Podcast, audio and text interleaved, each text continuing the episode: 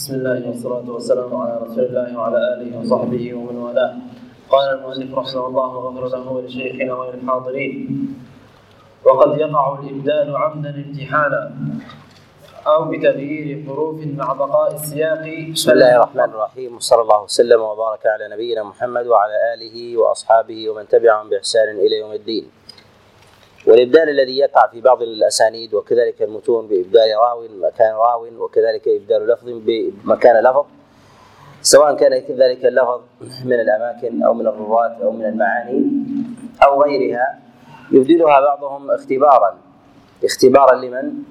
إما اختبارا للطلبة وحفظهم أو اختبارا للأستاذ وحفظه. فربما سمع ذلك الحديث فدور على أنه هكذا. فقبل أن يستبين الإنسان. ومثل هذا يعرف على ما تقدم الكلام عليه بجمع بجمع الطرق أو مخالفة الحديث لغيره لما هو أصح لما هو أصح منه. نعم. قال أو بتغيير حروف مع بقاء السياق فالمصحف والمحرف. لدينا تصحيف وتحريف. وقيل إنهما بمعنى واحد. والتصحيف هو بيان أو المشابهة بظاهر الرسم مع الاختلاف بالنطق. يسمى تصحيف إذا كانت الحروف رسمها واحد ونطقها يختلف. رسمها واحد ونطقها يختلف. وذلك كحبان وحيان وكذلك أيضا زبيد وزييد. وغير ذلك. فالرسم واحد ولكن النطق لاختلاف النقط اختلف من جهة اللفظ. كذلك أيضا حتى من غير التشابه أحيانا بالرسم في الحروف ولكن يكون ثمة تشابه تشابه بالخط في الظاهر كمحمد وعمر. فمحمد إذا كتبها الإنسان على سبيل الاستعجال تكون مشابهة لكتابته لعمر فيكون رأس العين كأنه ميم ثم أسفل العين كأنه حاء ثم الميم تكون توافق ميم محمد ثم الراء تكون دالا وهكذا فيكون ثمة مشابهة خاصة أن محمد وعمر ليست ليستا بمنقوطتين فيقع في ذلك فيقع في ذلك تصحيف. ومن العلماء من يقول إن التحريف هو إذا جاء بلفظ وصورة جديدة. جاء بلفظ وصورة جديدة. وهو أن يغير مثلا محمد إلى إسماعيل. فهذا اختلاف في الرسم واختلاف في النطق. ولا تشابه بينها. وغالب التحريف يكون من الإنسان وهما من ذاته أنه كتب أو نطق هذا الشيء أو ربما يكون من بعض الرواة وهو قلة كذبا. فيغير بعض أسماء الرواة إما أن يكون ذلك لتعدد الطرق أو نحو هذا. فنقول هذا يعرف العالم الحاذق المستبصر في هذا الأمر. لهذا ينبغي لطالب العلم أن يعرف المتشابهات المتشابهات رسما والمختلفات نطقا. تتشابه من جهة الرسم وتختلف من جهة النطق. وقد كان في الزمن الأول كانت الكتابة تكتب من غير من غير نقد ولكن يعرفونها بالسياق. يعرفونها يعرفونها بالسياق. منها ما يعرف بسياقه ومنها ما يعرف ما يعرف بضبط الأسماء. فيعرفون أن هذا الاسم لا يأتي تابعي وإنما يأتي صحابي. أو هذا لا يأتي صحابي وإنما يأتي تابعي أو تابع تابعي أو نحو ذلك. بخلاف ضعف الإنسان وجهله في مثل هذا ربما إذا تشابهت عليه الأسماء نطقها بنطق واحد فاختلط عليه الأول بالثاني لأنه لا يعرف الطبقات. فمعرفة الطبقات مهمة. معرفة الطبقات مهمة. وممارسة اللفظ النبوي من جهة الحفظ وإدامة النظر يعطي طالب العلم ملكة قوية بالتمييز بين السياقات ومعرفة كذلك مواضع ومعرفة كذلك مواضع التدليس. نعم.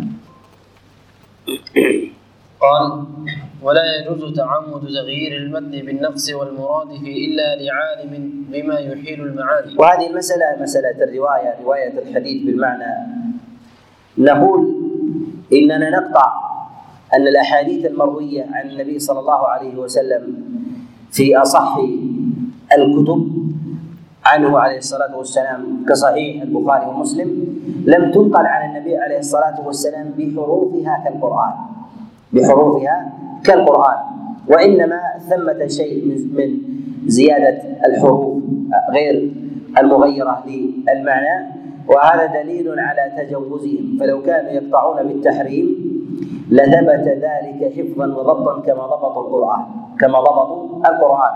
ولكن النبي صلى الله عليه وسلم يأخذ السنة من ربه وحيا لفظا ثم ثم يوردها معنى بحسب بحسب الحال. فإذا أوردها معنى للأمة أخذوها كذلك بمعرفة مراد رسول الله صلى الله عليه وسلم فيرونها كما سمعوها ولو أزادوا ولو زادوا في ذلك حرفا أو نقصوه لا يؤثر في السياق. لم يكن ذلك لم يكن ضارا ولم يكن أيضا الناقل في ذلك اثما. وهذا محل إجماع عندهم. وهذا محل إجماع عندهم. ولهذا ضبطوا القرآن بحروفه بتمامه سياقاته. لا بتقديم ولا بتأخير ولا بزيادة ولا نقصان ولا بحرف واحد. وهذا يدل على التباين. ولكن المصنف رحمه الله هنا أشار إلى مسألتين. المسألة الأولى بالزيادة والنقصان مؤثرة وغير مؤثرة. وهذه الزيادة منها ما هي حروف أو ألفاظ لا تؤثر. منها حروف وألفاظ لا تؤثر لا تؤثر بالسياق. وذلك كإيراد النبي صلى الله عليه وسلم في ثنايا في ثنايا حديث تجد أن الصحابة يقولون صلى الله عليه وسلم. فمثلا ما يأتي عن النبي عليه الصلاة والسلام أنه جاء أعرابي إليه فقال يا محمد ماذا يذكر بعدها صلى الله عليه وسلم؟ هذا من باب التجوز. لكن في القرآن محمد رسول الله. هل يأتي أحد ويقول يضع بالقوسين صلى الله عليه وسلم في القرآن؟ لا لأنها زيادة حروف. لا يجوز للإنسان أن يضيف حرفا في القرآن. وأما في السنة ففي ذلك شيء من التجوز. ولهذا نقول الحروف والألفاظ اليسيرة التي هي من بيان تعظيم أو إجلال ويعرفها القارئ بالسياق أنها أنها ليست من كلام النبي عليه الصلاة والسلام أو الألفاظ حتى لو ظن القارئ أنها من كلام النبي عليه الصلاة والسلام التي لا تؤثر باللفظ ولا بالسياق في كلام النبي عليه الصلاة والسلام مما يتجوز به الصحابة فضلا عن غيرهم. فضلا عن غيرهم. النوع الثاني هو تغيير اللفظ أو الحديث بتمامه بلفظ آخر يتضمن ذات المعنى يتضمن ذات ذات المعنى. وهذا لأن لغة النبي صلى الله عليه وسلم عالية والنبي عليه الصلاة والسلام هو أفصح العرب. والنبي عليه الصلاة والسلام أفصح العرب. يقول كما في الأثر يقول أنا أفصح العرب. أنا أفصح العرب. ولدتني قريش ونشأت في بني سعد بن بكر فأنا يأتيني اللحم. فأنا يأتيني اللحم. بنو سعد بن بكر هم من أفصح العرب وقريش أفصحوا. فنشا في بيئتين. لا يمكن أن أن يلقن أو يطرأ عليه حرف من الحروف. لا يأتي لا يأتي على لغة العرب. وهذا هو المراد. ولدتني قريش ونشأت. يعني تربيت وأخذت اللسان في بني سعد بن بكر. من أين يأتيني؟ من أين يأتيني اللحن؟ ولهذا نقول إن النبي صلى الله عليه وسلم يأتي بألفاظ وعبارات ربما يستثقلها ربما يستثقلها بعض التابعين. حال رواية الصحابة عليهم رضوان الله للحديث. فربما تجوز بعض الصحابة بالإتيان بالحديث بلفظ بلفظ مغاير بلفظ مغاير. وهذه المغايرة على ما تقدم منها ما هي مغايرة يسيرة ومنها ما هي مغايرة كبيرة ومنها ما هو اختصار. منها ما هو اختصار لتقريب المعنى. ومنها ما هي أحاديث نجزم أن النبي عليه الصلاة والسلام ما قالها إلا مرة أو نجزم أن الصحابي ما قالها إلا مرة. ولهذا حديث إنما أعمال النيات وهو في الصحيحين قاله عمر بن الخطاب على المنبر مرة واحدة ورواه عنه علقمة. علقمة بن وقاص الليثي. فنقول حينئذ إن هذه الرواية عن علقمة عن عمر إنما هو سماع واحد. أخرجه البخاري في كتابه الصحيح في سبعة مواضع. كل موضع يختلف لفظا عن الآخر. وإن اتفق من جهة المعنى. تارة يختصر وتارة يكون ثمة مغايرة مغايرة في اللفظ. ولهذا نقول إن تجوز الأئمة عليهم رحمة الله في الألفاظ مع قطعهم ويقينهم أن الحديث ما جاء إلا من وجه واحد، ما جاء إلا من وجه واحد ولا نزل ولا حكاه الصحابي عن النبي عليه الصلاة والسلام إلا في موضع واحد فنقل عنه. فنقل عنه. لأن الأصل في الصحابة خاصة في الخطب وأمثالها أنهم لا يعيدون الكلام. حتى لا يستثقل السامع. حتى لا يستثقل السامع.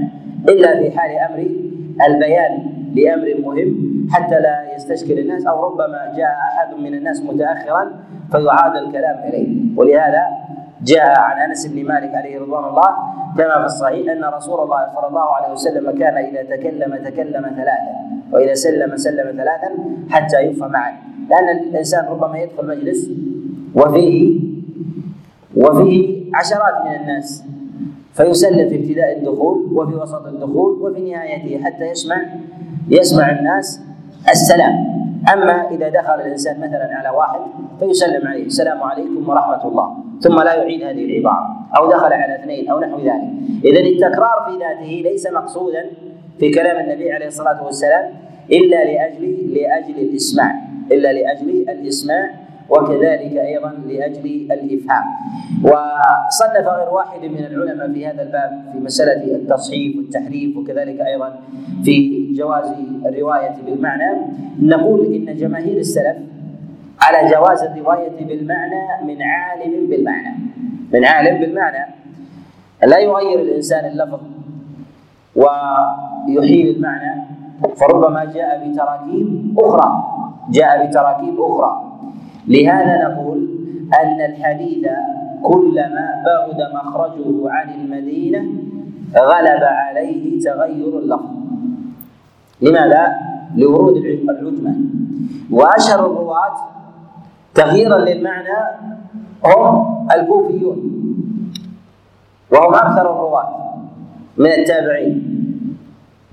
وهم أكثر الرواة من التابعين. التابعون من الكوفيين أكثر من التابعين من المدنيين لكثرتهم ووفرتهم وإقبالهم. ففي المدينة مدينة قليلة والناس في ذلك والناس في ذلك قليل ولكن لما مصرت الأمصار في العراق في في الخلافة الراشدة كثر اجتماع الناس عليها. وذلك للرزق فيها وجوها وكذلك أيضا لأنهارها وسعة العيش فيها. تواضع الناس للاتيان إليها ثم كانت أيضا موضعا لانطلاقة كثير من الفتوحات. موضع لانطلاق كثير من الفتوحات لقربها من الأطراف بخلاف المدينة فهي بعيدة. فهي بعيدة. فكان يستوطن فيها المجاهدون ويستوطن فيها كذلك أيضا طلاب العلم وأصحاب المصالح من التجارات وغير ذلك فكانت أكثر اتساعا. فكانت أكثر اتساعا. فكان التابعون من أهل الكوفة أكثر من التابعين من أهل من أهل المدينة من الفقهاء. من الفقهاء وكذلك أيضا وكذلك أيضا الرواة. ولهذا نقول إذا تغير مخرج الحديث وبعد عن المدينة فهذا أمر على روايته بالمعنى أو تغير على الأقل بعض بعض ألفاظه.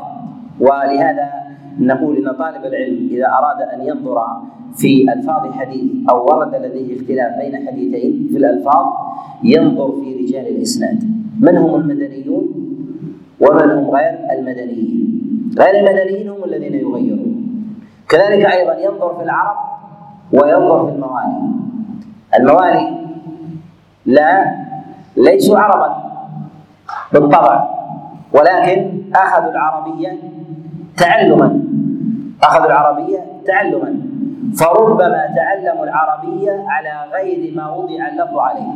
على غير ما ما وضع اللفظ اللفظ عليه. ولهذا نقول على طالب العلم أن يلتمس الأسانيد القوية من المدنيين والعرب حتى يقرب من اللفظ النبوي حتى يقرب من اللفظ النبوي. كذلك أيضا كلما على الإسناد كان أقرب إلى إلى اللفظ. إذا على الإسناد كان أقرب إلى اللفظ بخلاف إذا نزل. الحديث إذا رواه خمسة وتناقلوا يختلف عن الحديث الذي يرويه اثنين لأنه كلما يزيد كلما زاد العدد في الإسناد زاد احتمال التغيير. فينقله واحد عن واحد عن واحد ثم تبدأ استحالة المتن كلما تأخر. وأما بالنسبة لقصور الأسانيد وعلوها يبقى التغيير في ذلك يسير. فينتقل من الأول إلى الثاني بتغيير يسير ثم إلى الذي يليه بتغيير يسير فإذا توقف بإسناد عالي كان أقرب من الإسناد النازل الذي فيه ستة أو سبعة أو نحو أو نحو ذلك. نعم. قال فإن خفي المعنى احتيج إلى شرح الغريب وبيان المشكل. ثم الجهالة الحاجة إلى معرفة غريب الحديث. الغرابة في الحديث ليست غرابة مطلقة ولكنها غرابة نسبية.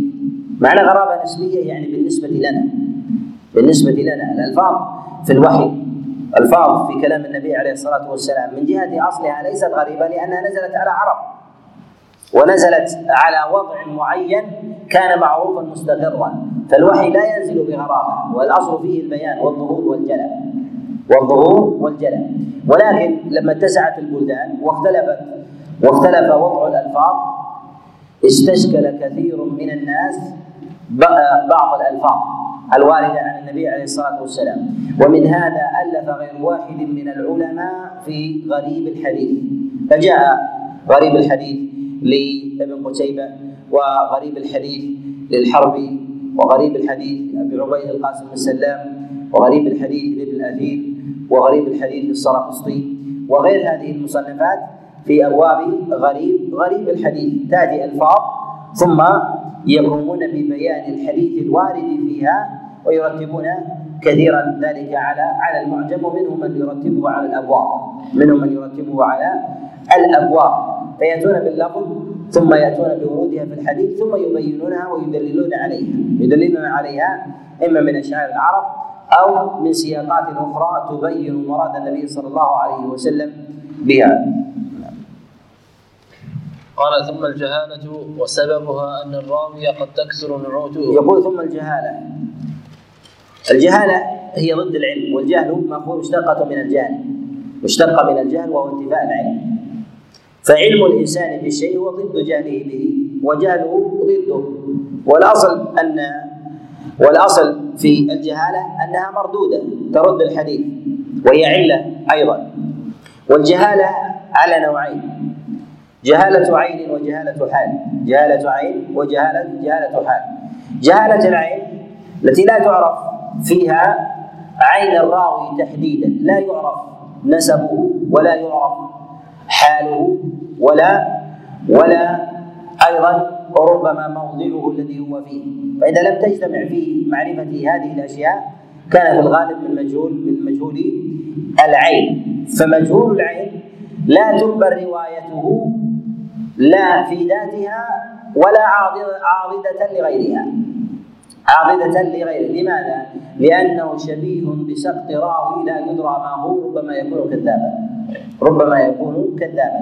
والجهالة وجهالة العين تتباين تختلف. منها ما هي جهالة عين لا تحتف قرائن بتعديل صاحبها ومنها ما تحتف قرائن بتعديل صاحبها ولو كان مجهولا في عينه. وذلك كأن يقول إمام من الأئمة حدثني الثقة. ثم يذكر الحديث أو يذكر شيخه. هذا فيه نوع نوع تعديل ولكنه لا يخرجه ذلك عن جهالة عن جهالة عينه عن جهالة عينه. النوع الثاني هو جهالة الحال. تعرف عين الرجل. تعرف عينه. ومعنى تعرف عينه؟ يعرف أن هذا فلان بن فلان. وأبوه معروف ولكن لا تعرف حاله من جهة العدالة والضبط. العدالة والضبط. كأن يأتيك شخص يقول لك محمد ابن سليمان أو محمد ابن زيد. أنت تعرف زيد. تقول زيد ابن فلان الذي في الحي الفلاني؟ يقول لك نعم. وفي الحي الفلاني له ابن اسمه محمد. تقول نعم. قد رأيته زرته وكان ابنه عنده. لكني لا أعرفه. هذه جهالة عين وجهالة حال. جهالة حال وعرف عينه وعرف أهله وعرف كذلك اسم أبيه ولكنه جهل حاله. جهل جهل حاله. لا يدري الرجل صالح أو ليس بصالح الرجل ضابط أو ليس بضابط وغير وغير ذلك. وجهالة والتفريق بين الجهالتين يقول يقول العلماء إن جهالة العين ما يروي ما يرويه واحد عن المجهول. فيكون هذا مجهول العين ولم يوثق بالطبع.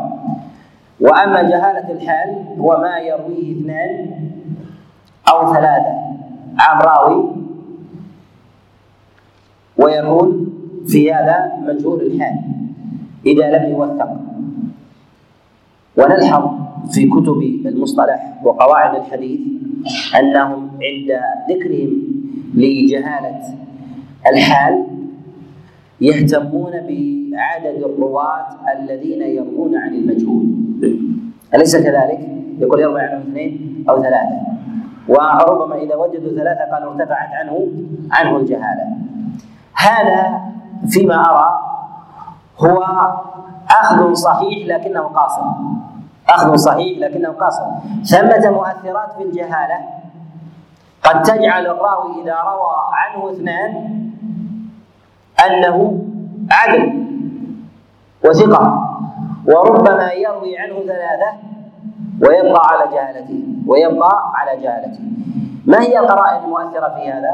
هي قرائن متعددة أولها ومعرفة التلاميذ من جهة العدد ومن جهة الجلالة. من جهة العدد ومن جهة الجلالة. إذا في في الرواة لدينا أمران. الأمر الأول العدد. فاثنين يختلفون عن ثلاثة واثنين يختلفون عن واحد. وهكذا. وإذا زاد العدد فإنه كان أقوى. أقوى اعتبارا ورفعا لجهالة الراوي. الثاني عدالة في الرواة وقيمة. العدد وعدالة الرواة. فمالك يروي عن مجهول. أقوى من اثنين يروون عن مجهول. أليس كذلك؟ أقوى لأن مالك إمام. لا يتفرغ لسماع حديث عن راوي ثم لا يكون عدلا. لأنه شديد شديد الاحتياط. كذلك سفيان بن عيينة سفيان الثوري شعبة بن الحجاج وأضراب هؤلاء. هؤلاء الواحد منهم أثقل من الاثنين والثلاثة بل والأربعة إذا رووا عن مجهول. إذا رووا عن مجهول. لهذا ينبغي أن نلتفت إلى هذه إلى هذه الأشياء. الأمر الثاني إلى الشيوخ. شيوخ المجهول. فمجهول يروي عن مالك يختلف عن مجهول يروي عن غيره. وهذا أيضا على النوعين السابقين ينظر إلى العدد وينظر إلى القيمة. مجهول يروي عن شيخين يختلف عن مجهول يروي عن شيخ واحد. ومجهول يروي عن مالك يختلف عن مجهول يروي عن غيره من الرواة من المتوسطين. ومجهول يروي عن رجل أجنبي يختلف عن مجهول يروي عن أبيه يروي عن أبيه فتفرده بروايته عن أبيه محتملة وليست محتملة. محتملة لأنه من أهل بيت أبيه وإذا لم يروي هو عن أبيه فمن يروي؟ وعلى هذا نقول رواية المجهول عن أبيه تختلف عن رواية المجهول عن أجنبي عنه. خاصة إذا بعدت البلدان كأن يروي مجهول كوفي عن معلوم مدني. هذا في غرابة. أين التقيا؟ ثم أيضا كيف هذا الرجل يكون لديه همة بالطلب ويذهب للمدينة ولا يسمع إلا هذا الحديث ويبقى مجهولا؟ هذا في نوع من التعارض في نوع من التعارض وهذا من مواضع القدح. فننظر إلى كونه بلدي له وقريب وقريب منه أخذ عنه أو كان بعيدا أو كان بعيدا عنه. الأمر الثالث أن ننظر إلى المتن.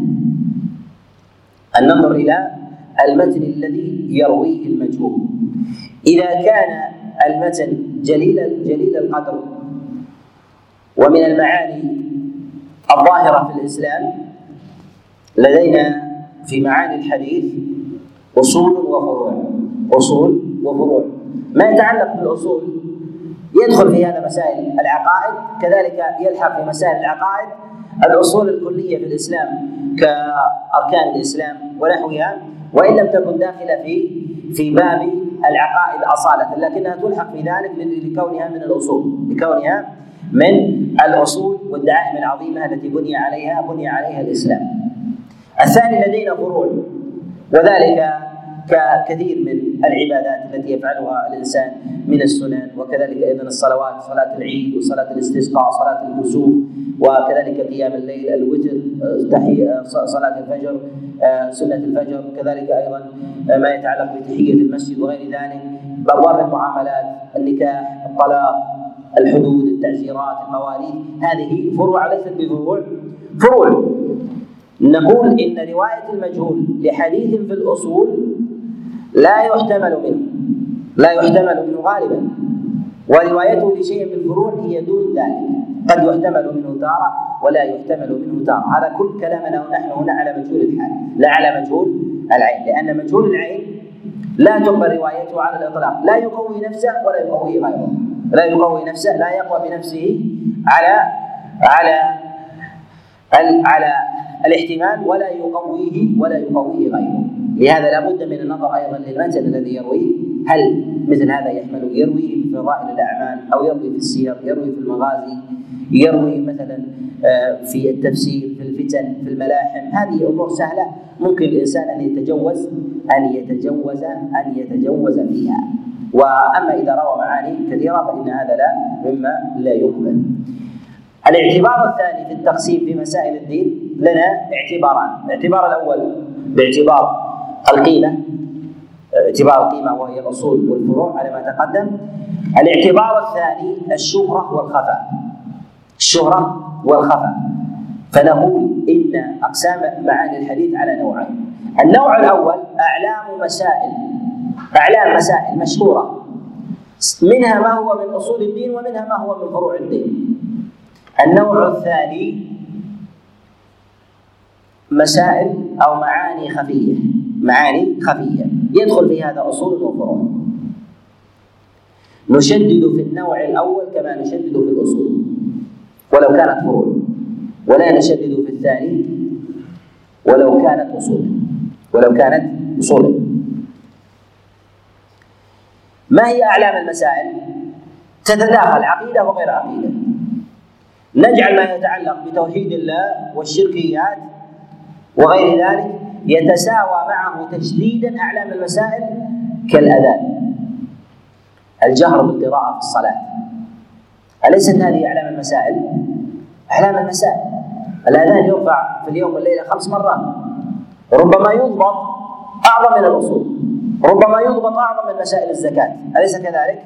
مع كونه من أعلام المسائل و والأمور السهلة. فإذا جاء أحد من الرواه بلفظ في الأذان لم يأتي به أحد غيره.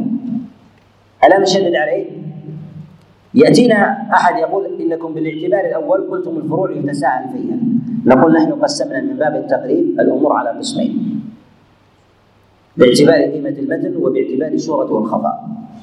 فإذا ضبطنا هذين الاعتبارين عرفنا موضع التساهل مع موضع مع موضع التشديد. من هذه المسائل أيضا ما يتعلق بالجهر بالبسملة في الصلاة. الجهر بالبسملة في الصلاة هذه من أعلام المسائل أو ليست من أعلامها؟ من أعلام المسائل. كم مرة يقرأ الإمام بالصلاة الجهرية في اليوم والليلة؟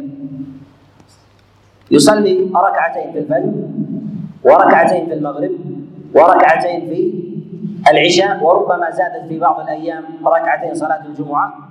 أضيفت إلى إلى هذا. وكذلك أيضا ربما جاء في بعض المواضع ما يتعلق بصلاة العيد وأشباهها. إذا تتكرر كثيرا في اليوم الواحد على على الإنسان. هذه تضبط أو لا تضبط؟ تضبط. تضبط ونطالب التجديد فيها أكثر من تجديدنا ببعض مسائل الصيام. لماذا؟ لأن مسائل الصيام الفرضية حولية أو يومية. حولية. لهذا ما يرد على مسامع الناس ويجتهد ثم ينفرد به راوي مثلا مستور نشدد فيه. أو ربما حتى لو كان راوي صدوق فيه. ضبط ولكن ضبطه يسير. نرد تفرده بالروايات. ولهذا تجد الأئمة يعلون الأحاديث جمهور الأئمة يعلون الأحاديث بالجهر بالبسملة في الصلاة. لماذا؟ لأنه لم يرويها الكبار. واشهر ما جاء في هذا وحديث معين عن أبي هريرة عن رسول الله صلى الله عليه وسلم أنه قال صلى بنا أبو هريرة فقرأ بسم الله الرحمن الرحيم الحمد لله رب العالمين لما انتهى قال هذه صلاة رسول الله صلى الله عليه وسلم. هذه المسألة ينبغي أن يرويها من؟ ان يرويها مالك عن نافع بن عمر. يرويها سالم عن ابن عمر. هذا يومي. هذا يومي لماذا؟ لأنه يراه الكبار من أقرب الناس إلى صلاة رسول الله صلى الله عليه وسلم دنوا موضعا؟ اليسوا العلية من الكبار؟ نعم خلف النبي عليه الصلاة والسلام في الصلاة أبو بكر وعمر وعثمان علي بن أبي طالب. ليست امرا عارضا على سبيل الدوام. ومثل هذه تضبط بل قد نشدد في بعض المسائل الفرعية ما نشدد أحيانا في بعض المسائل الأصول المتباعدة. نشدد في التورك نشدد أحيانا في الإشارة بالأصبع. نشدد في صفة الرفع باليدين طريقة السجود ونحو ذلك. فإذا جاء راوي بصفة من السجود لم يروها غيره نقوم بإنكارها. لماذا؟ لأن هذا موضع المشاهدة وما يسمى بأعلام بأعلام المسائل بأعلام المسائل ومشهورها. وهذا ما ينبغي ما ينبغي لطالب العلم أن يضبطه. والقرينة كم؟ المجهول. ذكرنا قرآن القرينة الرابعة التفريق بين الرجل والمرأة. فجهالة المرأة تحمل لماذا؟ لأن الأصل فيها الستر. أنه لا يوصل إلى معرفة حالها. فتجد الجار لا يعرف حال امرأة جاره ويجاوره في ذلك سنين. أليس كذلك؟ نعم. لماذا؟ لأن الأصل في النساء الستر. والابتعاد عن مواضع الرجال. ولكن يجاور جاره ويعرف حاله وحال أبنائه في بضعة أيام. لماذا؟ لأن الأصل فيهم العلم فما كان الأصل فيه الخفاء ويتعذر على الإنسان معرفته فإنه يخفف فيه لأن هذا ليس بمقدور الإنسان أن يصل إلى معرفة الحال. فيتسامح في ذلك. وأما بالنسبة ما معرفته ممكنة ثم لا يعرف يعني أنه لا يحضر مجالس العلم. وليس معروفا بالرواية. فلماذا لم يعرفه أهل بلده؟ ولهذا يقومون بالتجديد بجهالة الرجل وعدم التجديد بجهالة المرأة. وليس هذا يتعلق بحقوق المرأة وإنما هو باب آخر. وإنما هو باب باب باب آخر. فيتسامحون في المرأة ولا يتسامحون في ولا يتسامحون في في الرجل. القرينة الخامسة في مسألة الجهالة كثرة الحديث وقلته. نحن قلنا أن الأئمة عليهم رحمة الله ينظرون إلى رواية الراوي ينظرون إلى رواية الراوي برواية الرواة عن المجهول هل هم اثنين أو ثلاثة أو واحد؟ وهذا هو الغالب في كلام العلماء. ولكن قلنا أنه ينظر للتلاميذ ينظر لنوع الرواة ينظر لنوع الشيوخ ينظر إلى عدد الأحاديث. لماذا ننظر إلى عدد الحديث؟ لأن رواية المجهول ربما تكون عن شيخ واحد روى عنه حديثين وربما ثلاثة وربما أربعة وربما له شيخان لم يروي عنهما إلا إلا اثنين إلا اثنين. ولهذا نقول قلة الشيوخ وقلة الرواة عنه من التلاميذ لا تعني كثرة وقلة. فربما لا يعرف هذا الراوي إلا في هذا الإسناد ولكن لديه خمسة أو ستة أو عشرة من الأحاديث. هذا أقرب إلى التعديل. لماذا؟ لأن لدينا آلة آلة قد وضعها أمامنا لسبرها. آلة أمامنا لسبرها. وتقدم معنا تعريف السبب. ما هو تعريف السبب؟ نعم. نعم. آه، كلمة جلالة نعم أحسنت يقول النظر في أحوال وأعيان معدودة للخروج بحكم على واحد. بالخروج بحكم على واحد. حينما يأتيك مثلا شخص وأنت لست بخبير به من هذا من أهل البلد أو نحو ذلك، أليست مثلا سحنه الناس تختلف ووجوه الناس تختلف، يأتيك يقول أحكم لي على وجه ابني أو هذا الرجل هل هو مريض أو حزين أو ليس أو ليس بحزين؟ تقول لا لا أستطيع، ملامح الناس تختلف، لكن أعطني عشرين من أهل البلد. أنظر إليهم. أو من إخواني وأهله. أستطيع أن انظر أن أن أنظر إليهم ثم أخرج بحكم على هذا أن هذا يختلف يختلف عنه ولهذا إذا أعطاك الراوي مساحة كلما اتسعت قوي قوي صبرك له فالمجهول الذي يروي عشرة أحاديث أما أعطاك آلة للخروج بحكم عليه أعطاك آلة. تقوم بالسبر عشرة أحاديث عليه فإذا وجدت أن هذه الأحاديث مستقرة من جهة المعنى ومستقيمة لا تخالف الثقان تستطيع أن تقول على هذا الراوي ثقة ولا تستطيع؟ تستطيع. ولهذا بعض الذين يتعلقون بالمجهول ويربطون الجهالة برواية التلاميذ اثنين أو ثلاثة ثم يقول وجدنا راويا ثالثا إذا نرفع الجهالة عنه وربما عارضوا كلام الأئمة من المتقدمين أو قالوا هذا مجهول يتناقض فيه ذلك الإمام لماذا؟ لأنه قال في هذا الراوي مجهول وقال في هذا في هذا ثقة مع أن كلا الراويين لم يروي عنهما إلا إلا اثنين هل هذا على إطلاقه؟ لا هذا روى عنه اثنين ولكن روى لنا عشرة أحاديث. وهي موضع اختبار وتحليل فوجدناها كلها مستقيمة فأطلقنا عليه الثقة. كذلك أيضا من يروي لنا حديث واحد ويروي عنه اثنين أو ربما يروي ثلاثة وليس له إلا حديث واحد نقول من يروي عنه اثنين أو بل من يروي عنه واحد من الرواة وهو معروف باسمه ثم لدينا عشرة أحاديث يرويها. وهي مستقيمة فنقوم بتوثيقه. نقوم بتوثيقه السادس من القرائن في هذا عمل المجهول له أثر على عدالته. عمل المجهول له أثر على عدالته. بمعنى أن المجهول نعم كتبت عمل المجهول له أثر. عمل المجهول له أثر على عدالته. كيف يكون هذا؟ مجهول مؤذن أو إمام مسجد. هل يستوي مع مجهول؟ لا يعرف ارتباطه بشيء. كأن يقال مثلا أبو زيد أو أبو مريم مؤذن الكوفة. ويبقى مجهولا على هذا الوصف. على هذا؟ الوصف لا نعرفه إلا بهذا ولم يروي عنه إلا اثنين. يختلف عن قولنا أبو زيد الكوفي فقط. يختلف لأن عمله أعطاه نوع تعديل. الناس لا تصدر أحدا للأذان ويبقى ثابتا على ذلك حتى يصبح لقبا عليه إلا وقد استقر فيه أصل العدالة. أليس كذلك؟ أو أن يوصف بشيء من أعمال البر والطاعات.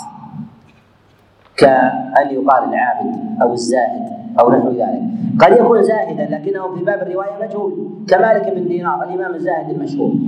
تجد الأئمة في أبواب الرواية يقولون مجهول أو مستور لماذا؟ لأنه لا لم يشتهر بالرواية بالرواية عنه الحديث فبقي من باب الرواية من جهة عدد الرواة الأخذ عنه يتكلم عليه العلماء بالجهالة. كذلك أيضا إذا وصف بالتفرغ بالجهاد أو بالقضاء أو الإقراء يوجد راوي مقرئ بالقراءة معروف بالقراءة لكنه في رواية الحديث لا يعرف. فيعتبر حينئذ مجهول. يعتبر حينئذ مجهول. هذا يختلف عن عن غيره. اذا عمله وحرفته الذي هو فيه تعطينا نوع من من تزكيته. الثامن؟ السابع بلد المجهول. بلد المجهول. مجهول المدني يختلف عن مجهول الكوفي. المجهول المدني يختلف عن المجهول الكوفي. لماذا؟ لأن المدينة لم يظهر فيها الكذب إلا متأخرا. لم يوجد الكذب في المدينة في طبقة التابعين أبدا. ووجد في طبقة التابعين في جميع البلدان سوى مكة. سوى سوى مكة. ولهذا نقول أن المدينة لها أثر في دفع ظنة عدم العدالة. في دفع عدم العدالة. الثامن طبقة المجهول. مجهول في طبقة متأخرة في السابعة والثامنة يختلف عن مجهول في الطبقة الثالثة أو الطبقة الثانية أو الرابعة. كلما تقدم طبقة قرب من زمن الفضل وزمن العدالة وانتفاء تهمة الكذب. وانتفاء تهمة تهمة الكذب. نعم. قال ثم الجهالة وسببها أن الراوي قد تكثر نعوته فيذكر بغير ما اشتهر به لغرض. وصنفوا فيه الموضح وقد يكون مقلا فلا يكثر الأخذ عنه. أعيد قال ثم الجهالة وسببها أن الراوي قد تكثر نعوته فيذكر بغير ما اشتهر به لغرض. وصنفوا فيه الموضح وقد يكون الرواة من آه، في سائر البلدان سواء كانوا في بلد واحد أو تعددت البلدان قد يشترك معهم غيرهم بالاسم فيلتبس على بعض النقلة خاصة إذا اشتركوا في طبقة واحدة. إن اختلفت الطبقة فالأمر في ذلك هين ولكن إن اتحدوا في طبقة واحدة ويكون ثمة أحمد بن محمد البصري أو أحمد بن عبد الله أو أحمد بن سليمان ويوجد من يشاركه وهم اثنين أو ثلاثة. بعض المترجمين يجعلهما واحد خاصة إن اجتمع قلة الرواية عند الراوي مع من يشترك معه في ذات الاسم. فقلت الرواية عند الاثنين والثلاثة واشترك في الطبقة واشترك في ربما أيضا في الشيوخ وفي البلد. فهذا يلتبس ويؤلف في ذلك العلماء كشفا للأوهام. أحاديث في ذلك في موضحات الجمع والتفريق التفريق بين هذا الراوي وغيره فيقولون هذا أن في هذا الاسم اثنان فلان ابن فلان وهو كوفي وفلان ابن فلان بس أو كوفيان ويميزون بينهما بشيء من الدلالات في هذا على اعتبارات و وقرائن كثيرة وثمة مصنفات في ذلك من أوائل من صنف في هذا الخطيب البغدادي وغيره. نعم. قال وقد يكون مقلا فلا يكثر الأخذ عنه وفيه الوحدان أو لا يسمى اختصارا وفيه مبهمات. قال وقد يكون وقد يكون مقلا فلا يكثر الأخذ عنه. المبهم ما لم يعين. كان يقال رجل في الرجال أو يقال في بلد ذهب إلى بلدة كذا فلا يعين أو يقال امرأة فلا يعين. فهذا له مصنفات في ذلك كالمبهمات لابن بشكوان والمبهمات تكون في الأسانيد وتكون وتكون في المتون. نعم. قال فلا يكثر الأخذ وقد يكون مقلا فلا يكثر الأخذ عنه وفيه الوحدة ويعرف الإنسان المبهمات بجمع الطرق. فإذا كان لديه إبهام في المتن يبحث يبحث في الطرق ثم يجد ما من يسمي ذلك الراوي. إما في الإسناد أو أو في المتن أو يسمي تلك البلد. إذا كان لها أثر في المعنى فيجمع الطرق فيتحصل له ذلك. قال وفيه الوحدان أو لا يسمى اختصارا وفيه المبهمات. وهي المفاريد. الوحدان هي المفاريد وثمة مصنفات في ذلك. ككتاب الآحاد المثاني لابن أبي عاصم. الأحاديث التي لا يروي فيها إلا واحد عن واحد وهي الأحاديث الغريبة. هي الأحاديث الغريبة. فهذا مصنفات في ذلك ولها مضان. لها مضان. منها كتاب أبي عاصم وكذلك أيضا البزار المسند ومنها كذلك أيضا معجم الطبراني وغيرها. قال ولا يقبل المبهم ولو أبهم بلفظ التعليل على الأصح فإن سمي وانفرد واحد عنه المبهم لا يقبل ولو علل أو وصف بشيء. رأيت شيخ مكي أو رأيت شيخا في مكة أو رأيت رجلا يقرأ القرآن حدثني عن أبيه أنه قال كذا أو نحو ذلك. فمثل هذه الأوصاف لا تغنينا شيء لأنه لو عرفه لا وصفه. وهو عدل عنده وعدالته عنده لا يعني أنها عدالة عند الأئمة. نعم. قال ولا يقبل المبهم ولو أبهم بلفظ التعديل على الأصح فإن سمي وانفرد واحد عنه فمجهول العين أو اثنان فصاعد ولم يوثق. وذلك كقول الشافعي رحمه الله في مواضع في الأم قال حدثني الثقة. وهو ثقة عنده. ويحسن الظن به. ولكن عند غيره من الأئمة ليس بعدل. ليس بعدل. وذلك أن عادة الإمام الشافعي إذا حدث عن شيخ من شيوخه قال حدثني فلان بن فلان. فإذا أضمره فإن في هذا قرينة على أن غيره يتهمه على أن غيره يتهمه ويريد أن يبتعد لجلالة قدره وديانته عن التدليس. فيدلسه فذكره بوصف. فذكره بوصف. يعدله فيه فقال حدثني الثقة. ويريد في الغالب إبراهيم بن محمد بن أبي يحيى الأسلمي. وتارة يريد غيره. نعم. قال فإن سمي وانفرد واحد عنه فمجهول العين أو اثنان فصاعدا ولم يوثق فمجهول الحال وهو المستور. هذا على ما تقدم الكلام عليه. أن العلماء غالبا في التفريق بينهما يذكرون الرواة عنه ويجعلون ذلك علما على التفريق. وهذا التنظير جعل بعض الناس يستدرك على الأئمة وصفهم لبعض الرواة بالثقة ولم يروي عنه الاثنين. وصفهم لآخر بالجهالة ولم يروي عنه إلا اثنين ويقولون إنه لم يجر إنهم لم يجروا على طريقة على طريقة منضبطة. نقول لماذا؟ لأن ثمة قرائن أخرى لم تكن حاضرة في ذهن هذا المتكلم ولا في ذهن في ذهن غيره. فهي موجودة عند العلماء فرفعوا هذا الاعتبارات ووضعوا هذا الاعتبارات مع الاشتراك بعدد الرواة عنه. نعم. قال ثم البدعة إما بمكفر أو بمفسر. فالأول لا يقبل صاحبها الجمهور والثاني يقبل من لم يكن داعية في الأصح إلا إن روى ها؟ تقديم وتأخير يمكن نعم. محذوف عندكم؟ اخر شيء وهو المستور طيب. إيش أول شيء بعد المستور؟ طيب أضيفه البدعة طيب. اقرأ. ثم البدعة. ثم البدعة إما بمكفر أو بمفسر فالأول لا يقبل صاحبها الجمهور. والثاني يقبل من لم يكن داعية في الأصح إلا إن روى ما يقوي بدعته فيرد على المختار وبه صرح الجوزجاني شيخ النساء شيخ النسائي. ما يتعلق بالبدعة وقول المصنف ثم البدعة. البدعة هي الإحداث.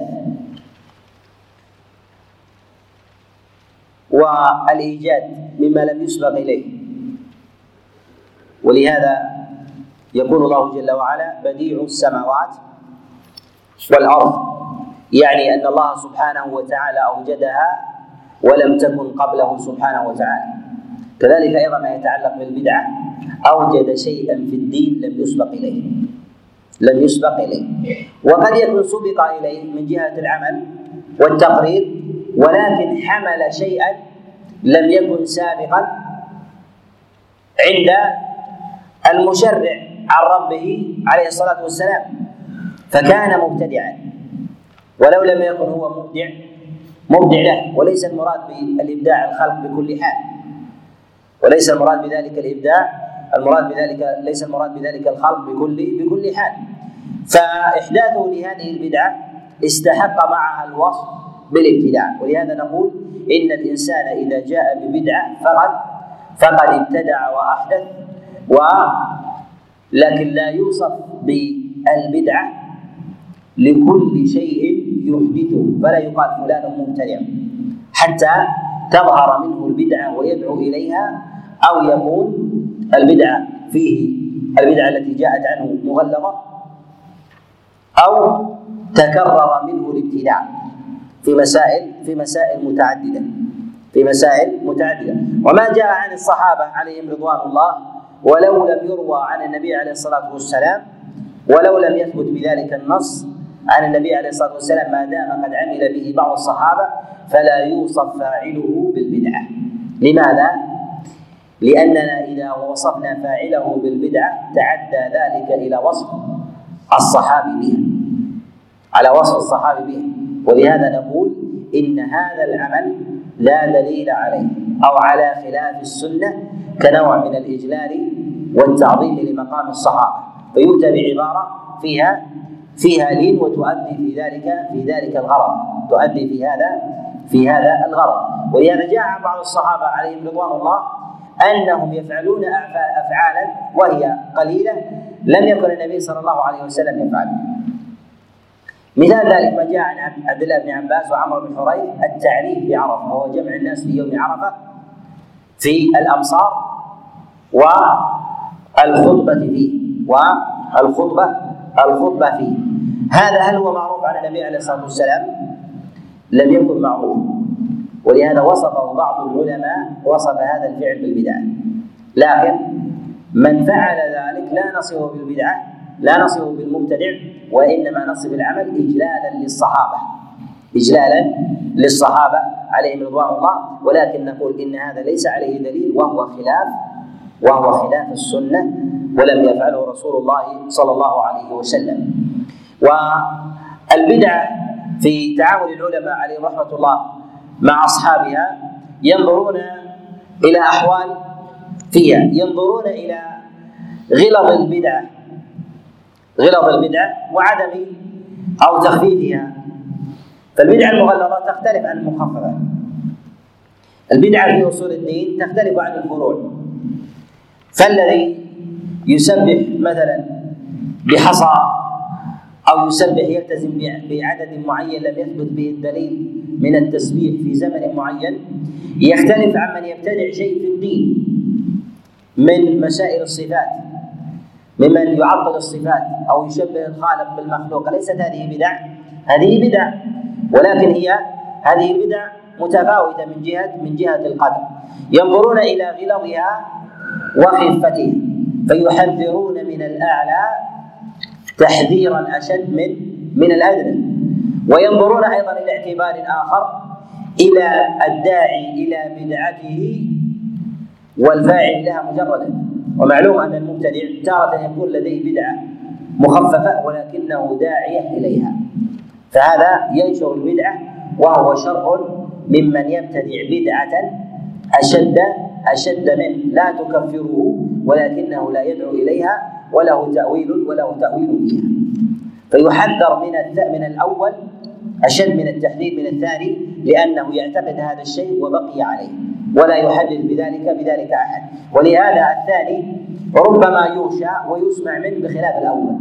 بخلاف الأول. لماذا؟ لأنه يسعى إلى نشر البدعه والبدعة تجر غيرها حتى تتعاظم تلك البدعة بخلاف هذا الرجل لديه بدعة وربما ماتت معه بدعته ولم ولم تنتشر ولهذا لا بد من النظر إلى إلى هذين الاعتبارين إلى غلظ البدعة وخفتها وكذلك أيضا إلى الداعي وغير وغير الداعي.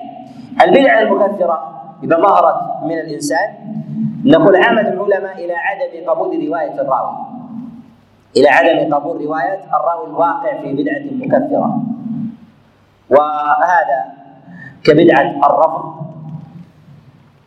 وبدعة الجهل وغير ذلك وإن كان متأولا وإن كان متعولا وربما جاء عن بعضهم القول بالقبول منه قالوا لأنه متعول لأنه لأنه متعول وغاية الخوف على الحديث هو الكذب. الكذب في حديث النبي عليه الصلاة والسلام. ثم هذا الراوي يدين ويتأول بهذا كما نتأول الحق. فنقول إن مثل هذا الحديث إذا جاء عن النبي عليه الصلاة والسلام لا ينفرد به أمثال هؤلاء الذين يقعون في بدع مكفرة لأن دين الله محفوظ. وما لا يوجد إلا عند مبتدع فإنه لا يكاد يثبت في الدين شيء من ذلك إلا وقد ثبت عند أئمة الإسلام. الصحابة لا يروي عنهم سنة إلا من عرف ببدعة الرفض أو ببدعة الجهم أين؟ أين الأصحاب من التابعين المقربين منهم؟ لا يقولون عنهم ذلك. كذلك أيضا أين أتباع التابعين؟ لا يروون عن الاجله من أهل الحق. أتباع السلف الصالح من التابعين وأتباع التابعين لا يرون عنهم ذلك فلا يروي عنهم إلا من وقع في بدعة مغلظة. ولهذا نقول إن من وقع في بدعة مغلظة مكفرة أنه لا تقبل روايته بحال. دعا إليها أو لم يدعو إليها. دعا إليها أو لم يدعو أو لم يدعو إليها. وأما البدعة غير المكفرة وهي البدعة المخففة مما يقع في بعض في بعض الطوائف من الإرجاء. من الإرجاء في مسائل العمل. كذلك أيضا في بعض مسائل الخوارج وغير ذلك. ولهذا نقول إن العلماء في ذلك يحذرون من الرواية عن المبتدع عموما بكل حال حتى لا يكثر سواده في ذلك فينساق إليه الناس والعامة فيتسبب الطالب أو العالم بإشهاره حتى ينساق إليه الناس فيتأثرون ببدعته من حيث لا يشعر. ولهذا العلماء ينهون عن الرواية عن المبتدع وربما أخذوا عنه. أخذوا عنه لأن أخذهم في ذلك لم يكن إشهارا إما لقيه في طريق أو لقيه في حج أو لقيه في موضع فسمع منه وهو عدل فيه وهو عدل في في ذاته. ويتأول في بعض في بعض المسائل. ولهذا نقول إن الرواية عن المبتدع جائزة وروايته صحيحة إذا لم تكن مغلظة ولم يكن داعية إلى بدعته يجوز الأخذ عنه. وأما إذا كان داعيا إلى بدعته وبدعته مخففة فهذا لا يؤثر على عدالته.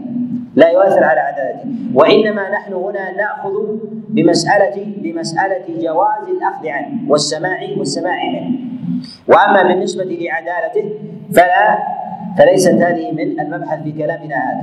فنقول إن العدل عدل في ذلك ما دام أنه من أهل الإسلام. ما دام أنه من أهل الإسلام ولم يقع بمفسق ولم يقع بمفسق ظاهر على سبيل العمد على سبيل العمد ولم ترد عليه البدعة عنادا واستكبارا.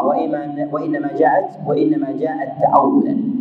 وإنما جاءت تأولا وكانت بدعته مخففة ولم يكن معاندا أيضا في الاستماتة بالدعوة إليها. فهذا عدالته عدالته مما يأخذ بها العلماء. ولهذا الإمام أحمد رحمه الله وهو يحذر من الرواية عن المبتدئة قد روى عن أكثر من عشرة في كتابه المسند من المرجئة.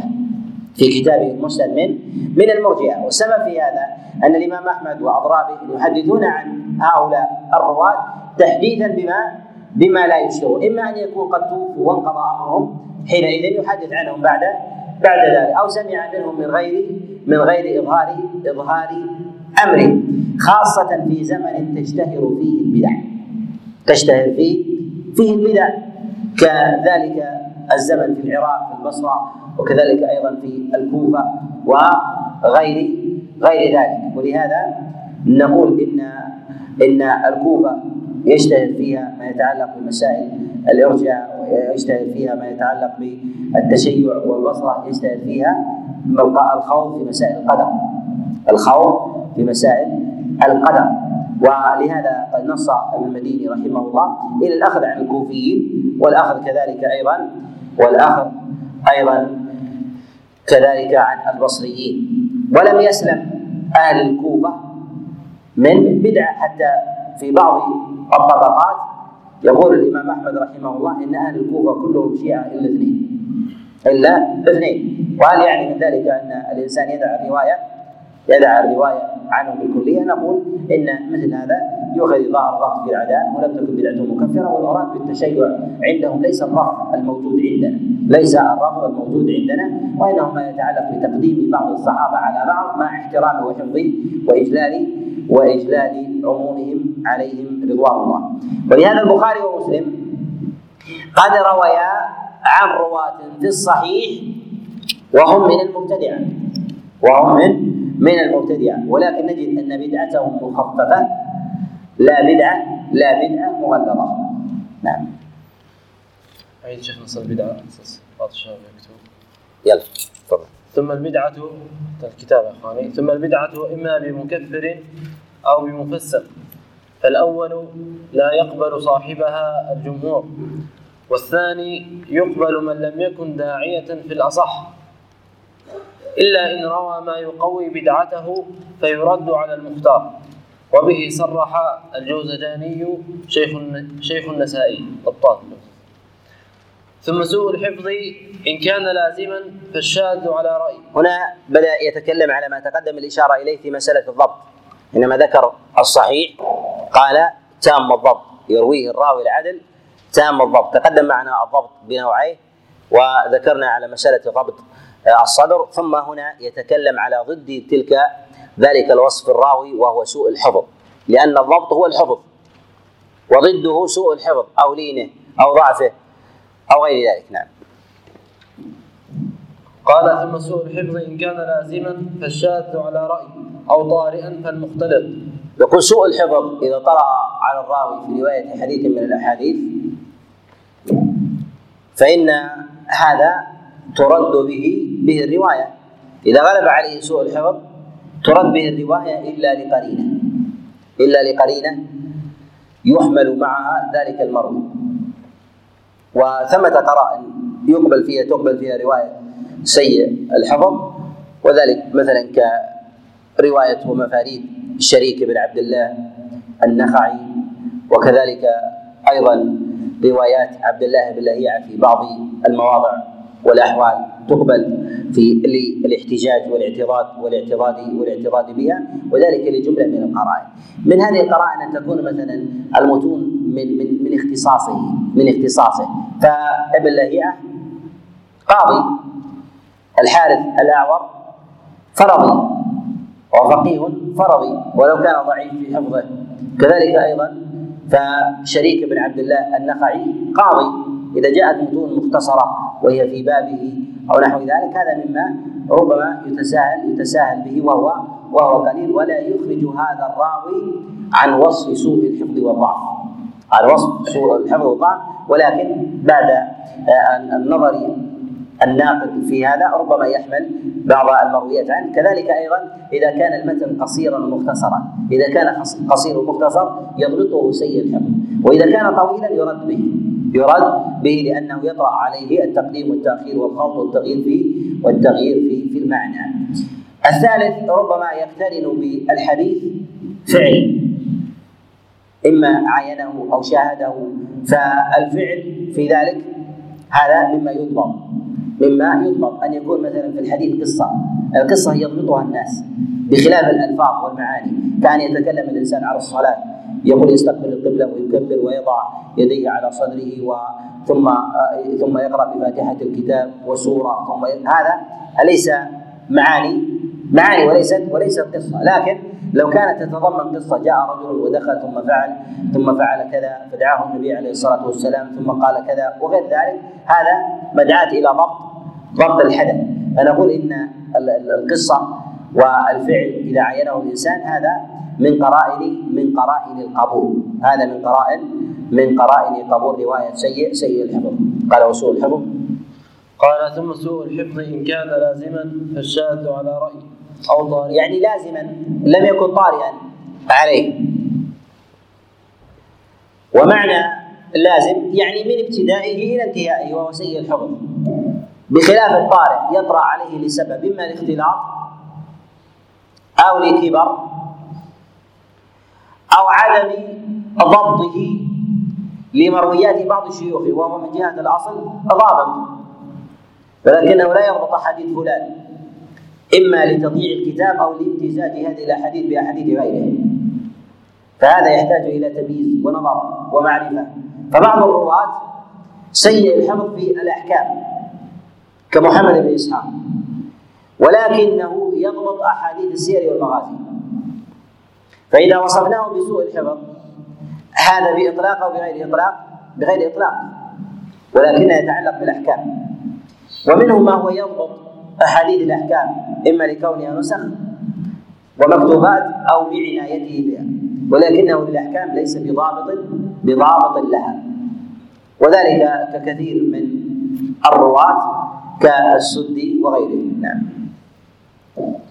قال فالشاذ فإن كان لازما فالشاذ على رأي أو طارئا فالمختلط. ومتى توبع؟ وهذا في حال ورود المخالفة. لا يسمى الشاذ شاذا إلا لمخالفة المعنى أو اللفظ لغيره. مخالفة المعنى واللفظ لغيره. فيوصف بالشذوذ لأنه خرج عما هو أصح منه وأولى بالأخذ فإذا لم يكن مخالفا لغيره فلماذا يسمى فلماذا فلماذا يسمى شاذا؟ لا من جهة المعنى ولا من جهة من جهة اللفظ. لكن يرد.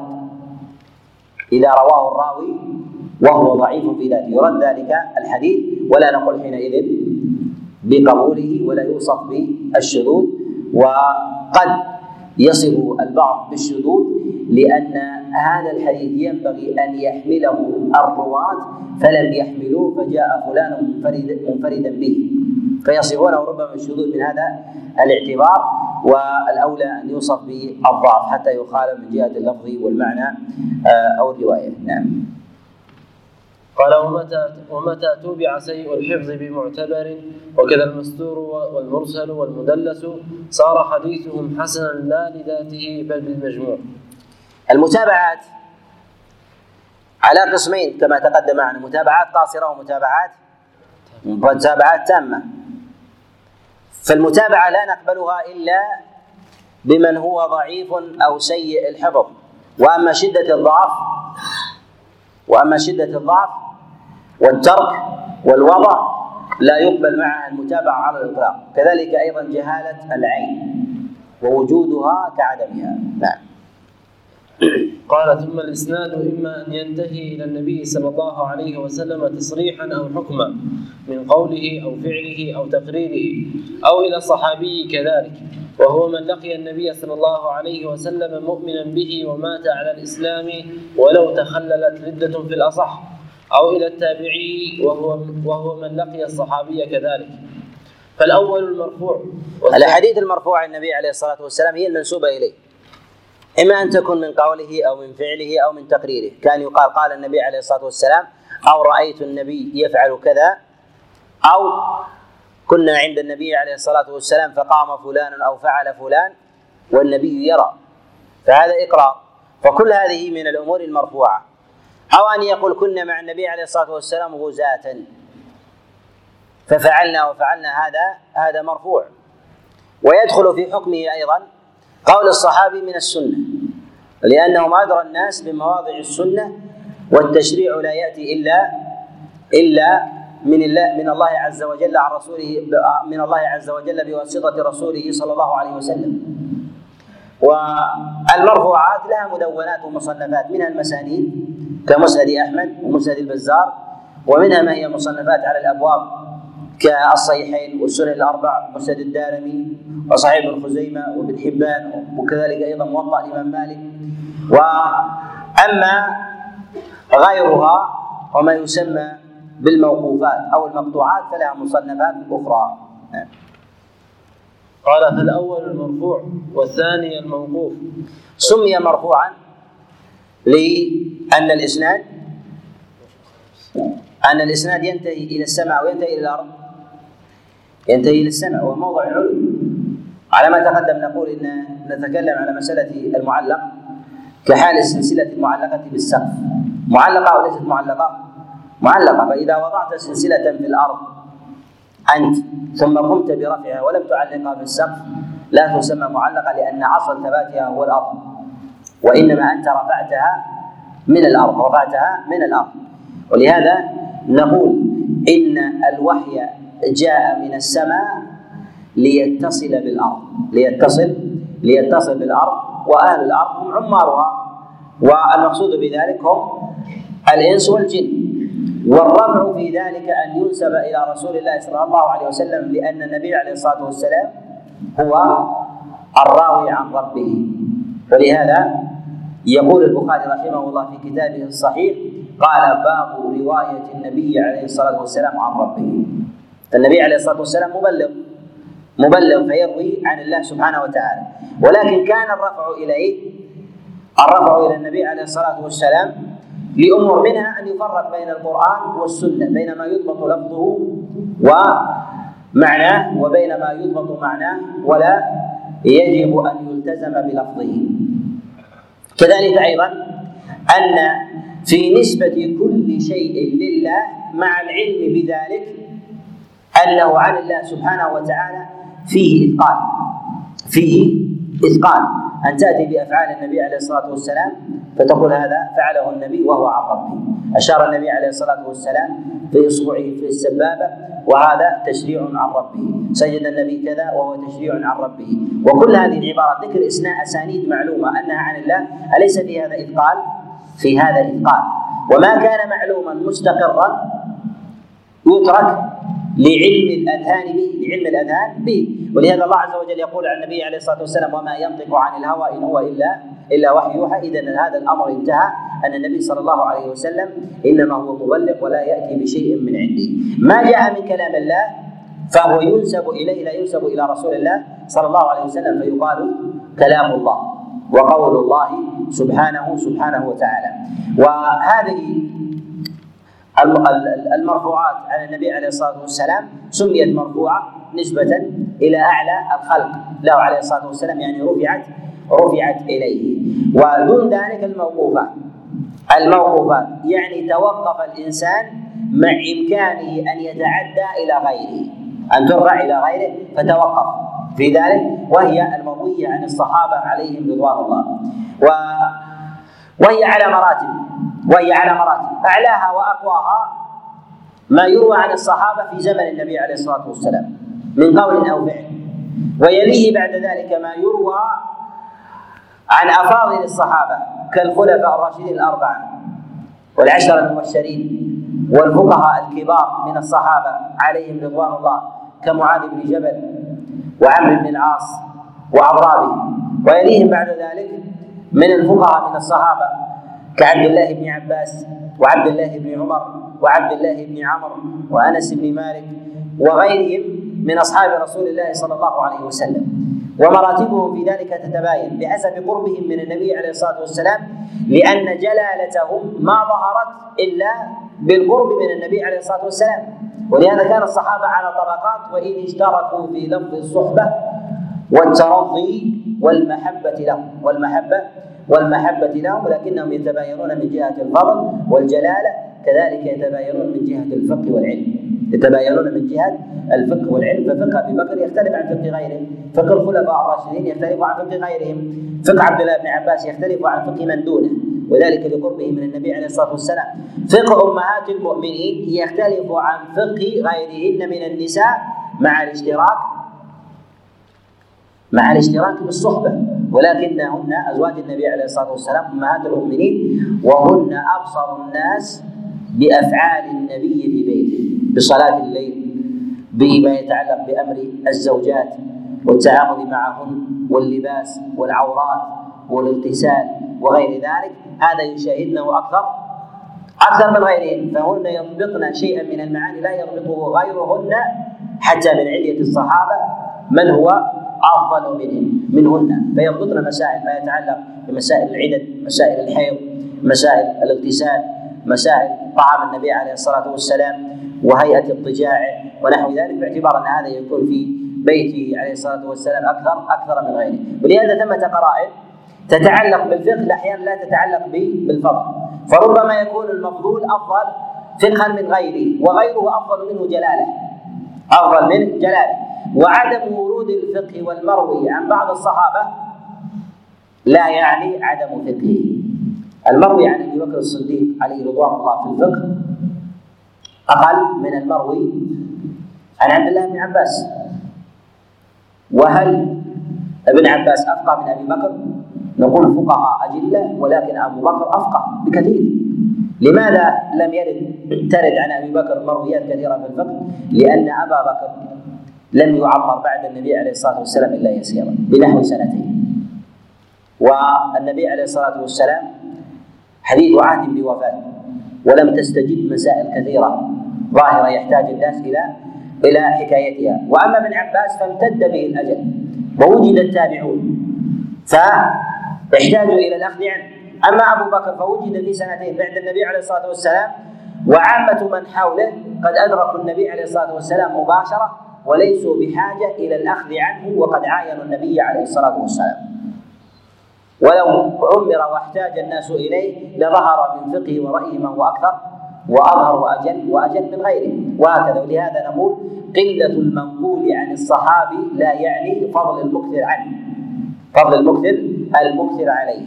وهذا لظروف الزمان وظروف المكان وظروف الناس كذلك. من الحوادث والمستجدات وغيرها. وثمة مصنفات اعتنت بجمع الموقوفات. من أقدمها وأشهرها موطأ الإمام مالك. وقد قد اعتنى برواية الموقوفات خاصة عن المدنيين. عن المدنيين ممن أقام في ذلك اما عن الصحابة أو كذلك عن التابعين أو أو عن أتباعه. أو عن أتباعه. وهذا وهذا أصح الكتب المرويه في هذا في هذا الباب. ومصنف عبد الرزاق مصنف ابن أبي شيبة معرفة السنن والآثار للبيهقي السنن الكبرى له الأوسط لابن المنذر الاستذكار التمهيد والتمهيد لابن لابن عبد البر. وكذلك أيضا المصنفات المعتنية بالتفسير كتفسير ابن جرير تفسير ابن أبي حاتم تفسير عبد بن حميد تفسير ابن المنذر وغيرها من المصنفات التي تعتني بالرواية عن الصحابة والرواية عن التابعين. وجلها أو أكثرها هي من الموقوفات. هي من الموقوفات وهي على مراتب أيضا في مسائل التفسير ثمة مفسرون مدنيون وثمة مفسرون أيضا من أهل مكة من التابعين وثمة مفسرون صحابة وثمة مفسرون آه، تابعون وغير ذلك. قال فالأول المرفوع والثاني الموقوف. والثالث المقطوع. ومن دون المقطوع ما كان عن الصحابة عن التابعين. المرفوع عن النبي عليه الصلاة والسلام والموقوف على الصحابة والمقطوع على التابعين ومن دونه. فيقول ما كان عن تابعي مقطوع وعن تابع تابعي كذلك مقطوع لأن الأصل بالمروي أن يروى عن النبي عليه الصلاة والسلام أو على الأقل عن الصحابة. فإذا جاء عن غيرهم كأنه قطع. كأنه قطع. وهذا فيه إشارة إلى أنه ينبغي الإنسان أن ينتبه والا يخلط بين رواية الراوي من قول من قول أحد التابعين أو رفع ذلك إلى شيخه من الصحابة. عبد الله بن عباس له أصحاب كتب كعكرمه، سعيد بن جبير، مجاهد بن جبر وغيرهم من التابعين. هؤلاء لهم مرويات عنهم ولهم مرويات عن الصحابة. فلا يخلط الإنسان بينه وربما تشترك من جهة اللفظ أو أو المعنى. نعم. قال والثالث المقطوع ومن دون التابعي فيه مثله. ويقال ويقال للأخيرين الأثر. والمسند مرفوع صحابي بسند ظاهره الاتصال. ووصف ما دون كلام النبي عليه الصلاة والسلام بالأثر. نقول هذا بحسب الاصطلاح. منهم من يعمم كل ما جاء في المرفوعات أو الموقوفات بأنها آثار. لأنها آثار. ولكن غلب ذلك اصطلاحا على ما كان دون النبي عليه عليه الصلاة والسلام. نعم. قال فإن قل عدده فإما أن ينتهي إلى النبي صلى الله عليه وسلم أو إلى إمام ذي صفة علية كشعبة. فالأول العلو المطلق والثاني العلو النسبي.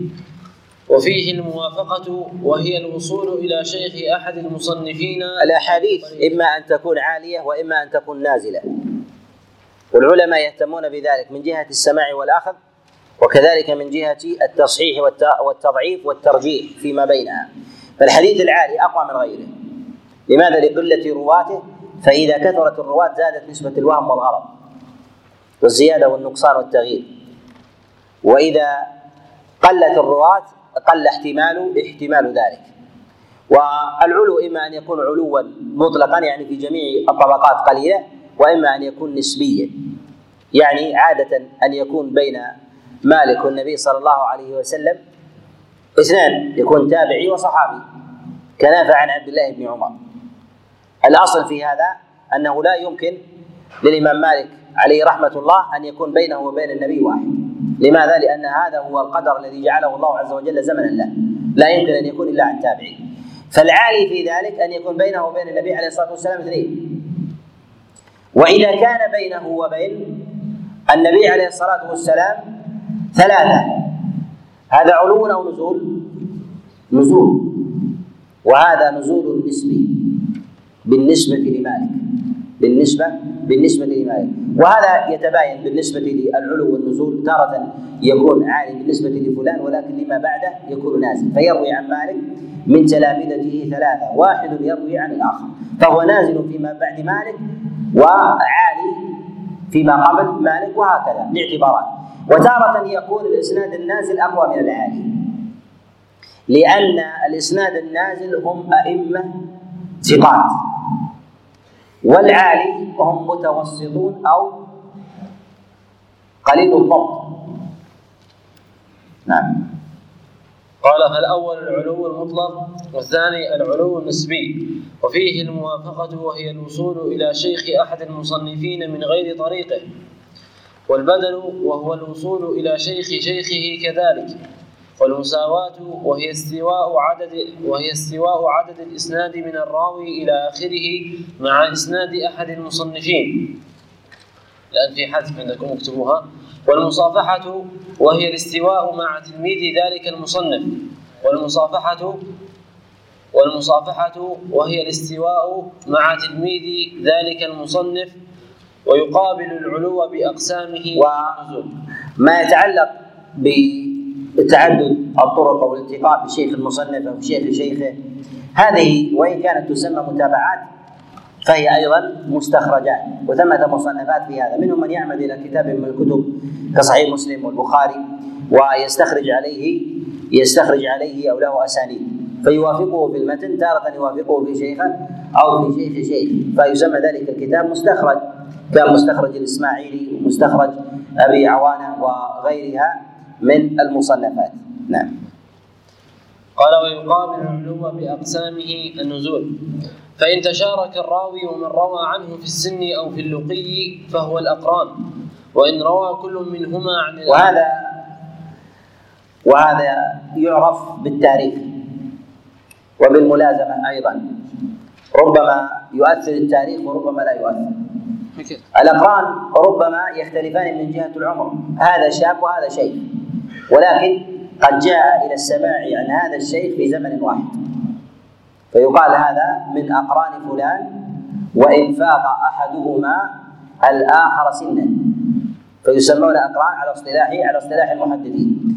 وتارة يكون الرواة قد اتفقوا في السن واتفقوا كذلك في السماع فيكونون أقرانا من هذا من هذين الوجهين.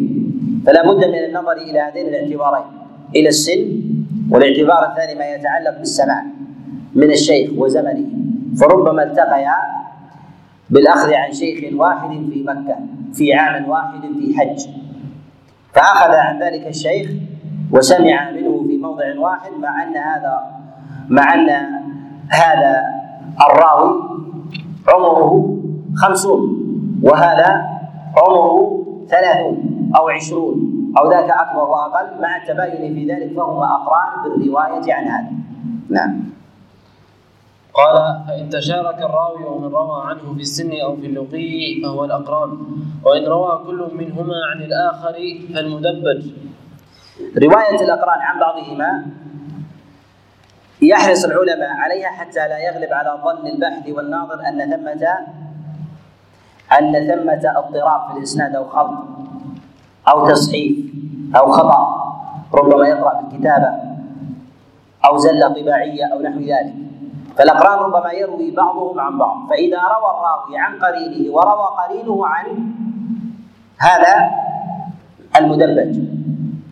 وهذا له أحوال وإنما يعتني به العلماء وهذا من لطائف الأسانيد يعتني به العلماء حتى إذا نظر الراوي وعرف في ذهنه أن الأقران يروون عن بعض أزال عنه احتمال احتمال الاضطراب أو احتمال الوهم.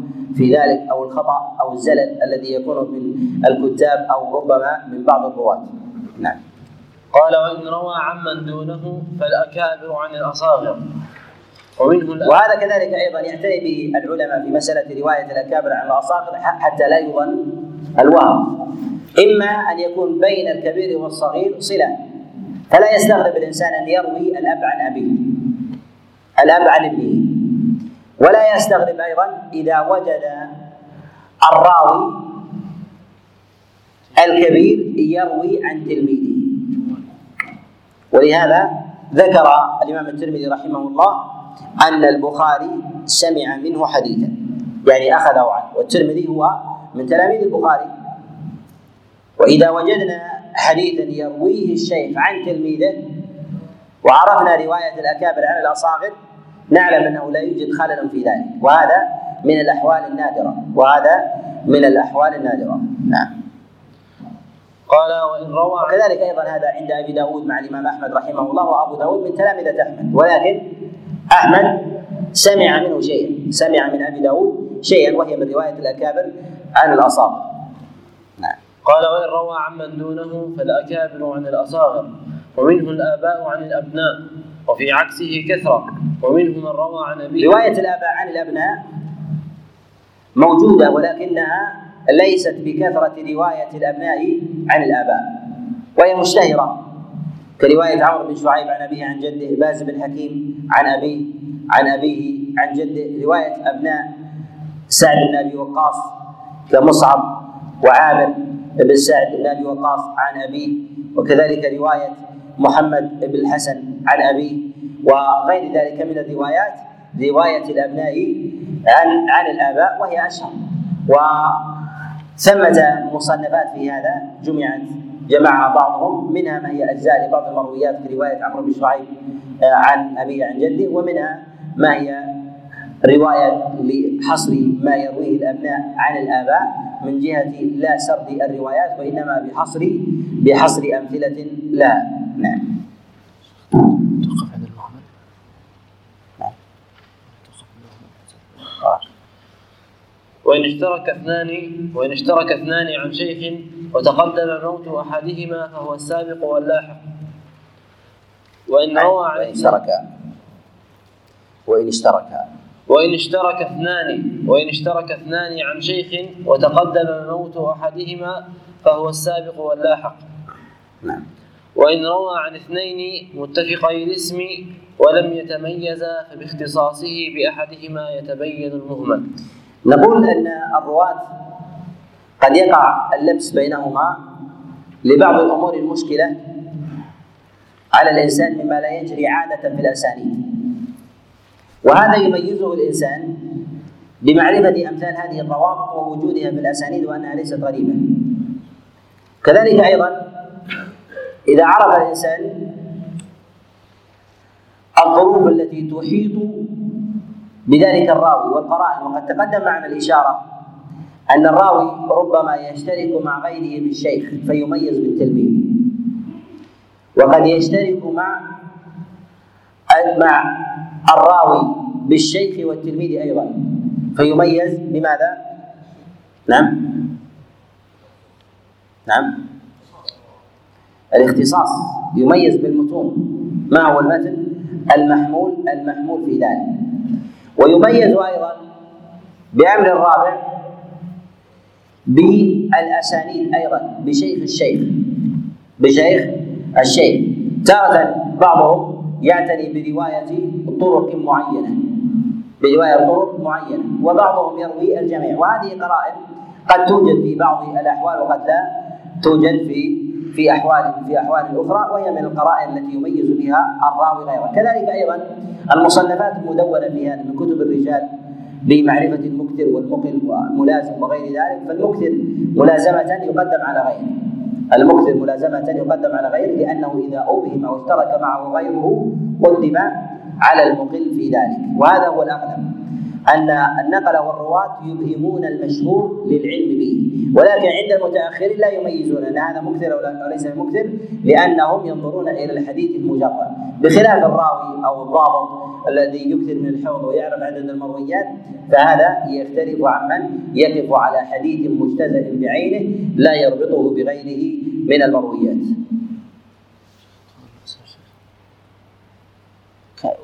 باقي؟ وإن جحد كمل قال وإن جحد الشيخ مروية جزما رد أو احتمالا قبل في الأصح. وفيه من حدث ونسي وإن اتفق الرواة في سير وهذا صنف فيه بعض العلماء كتذكرة المؤتسي في من حدث ونسي. وهذا بعض الرواة ربما يحدث بحديث ثم ينساه يحدث بحديث ثم ثم ينساه وهذا يوجد وله نظائر في السنن في رواية سهيل بن أبي صالح عن ابي عن أبي هريرة. فإذا روى الراوي حديثا ثم قال لم أحدثك به وكان عالما به. هنا ظاهر من كلام المصنف أنه يقسمه إلى قسمين. قسم يجزم بالنفي أنه ما حدث بذلك. فهذا في الغالب أنه يرد. والحالة الثانية ينفي لكنه لا يجزم لا أذكر ولا أظن ولم أحدث بهذا الحديث. ولكن قطعه بذلك لم يكن في سياق التأكيد والمنع.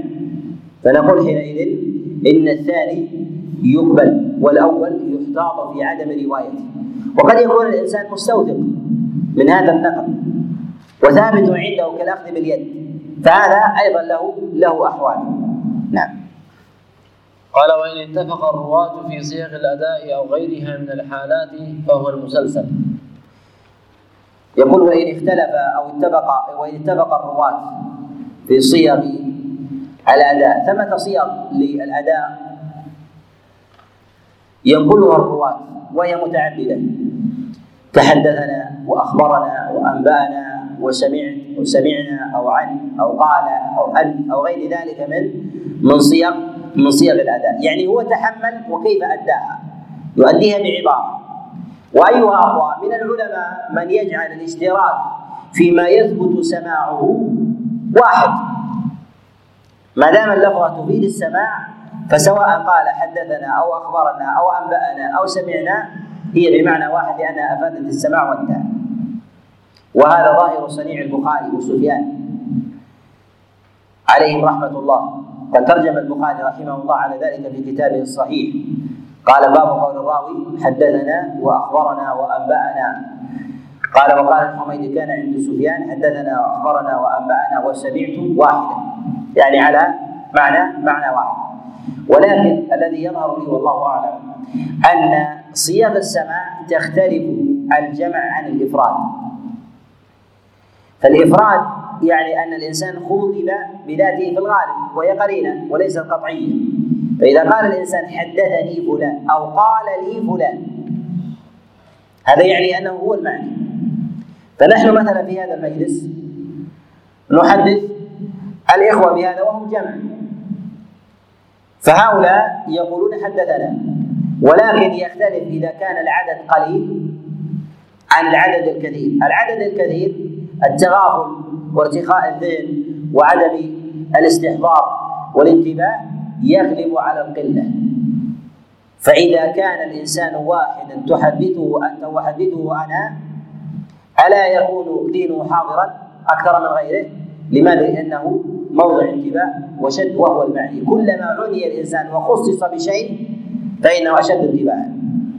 فإذا كان ثمة قرينة تدل على أن الراوي سمع لوحده. فهذا أقوى من غيره وهو أشد انتباها فإذا قال قال لي فلان أو حدثني فلان أو أخبرني فلان أو أنبأني فلان أو اقترن بشيء من الألفاظ مما يفيد أنه هو وإياه.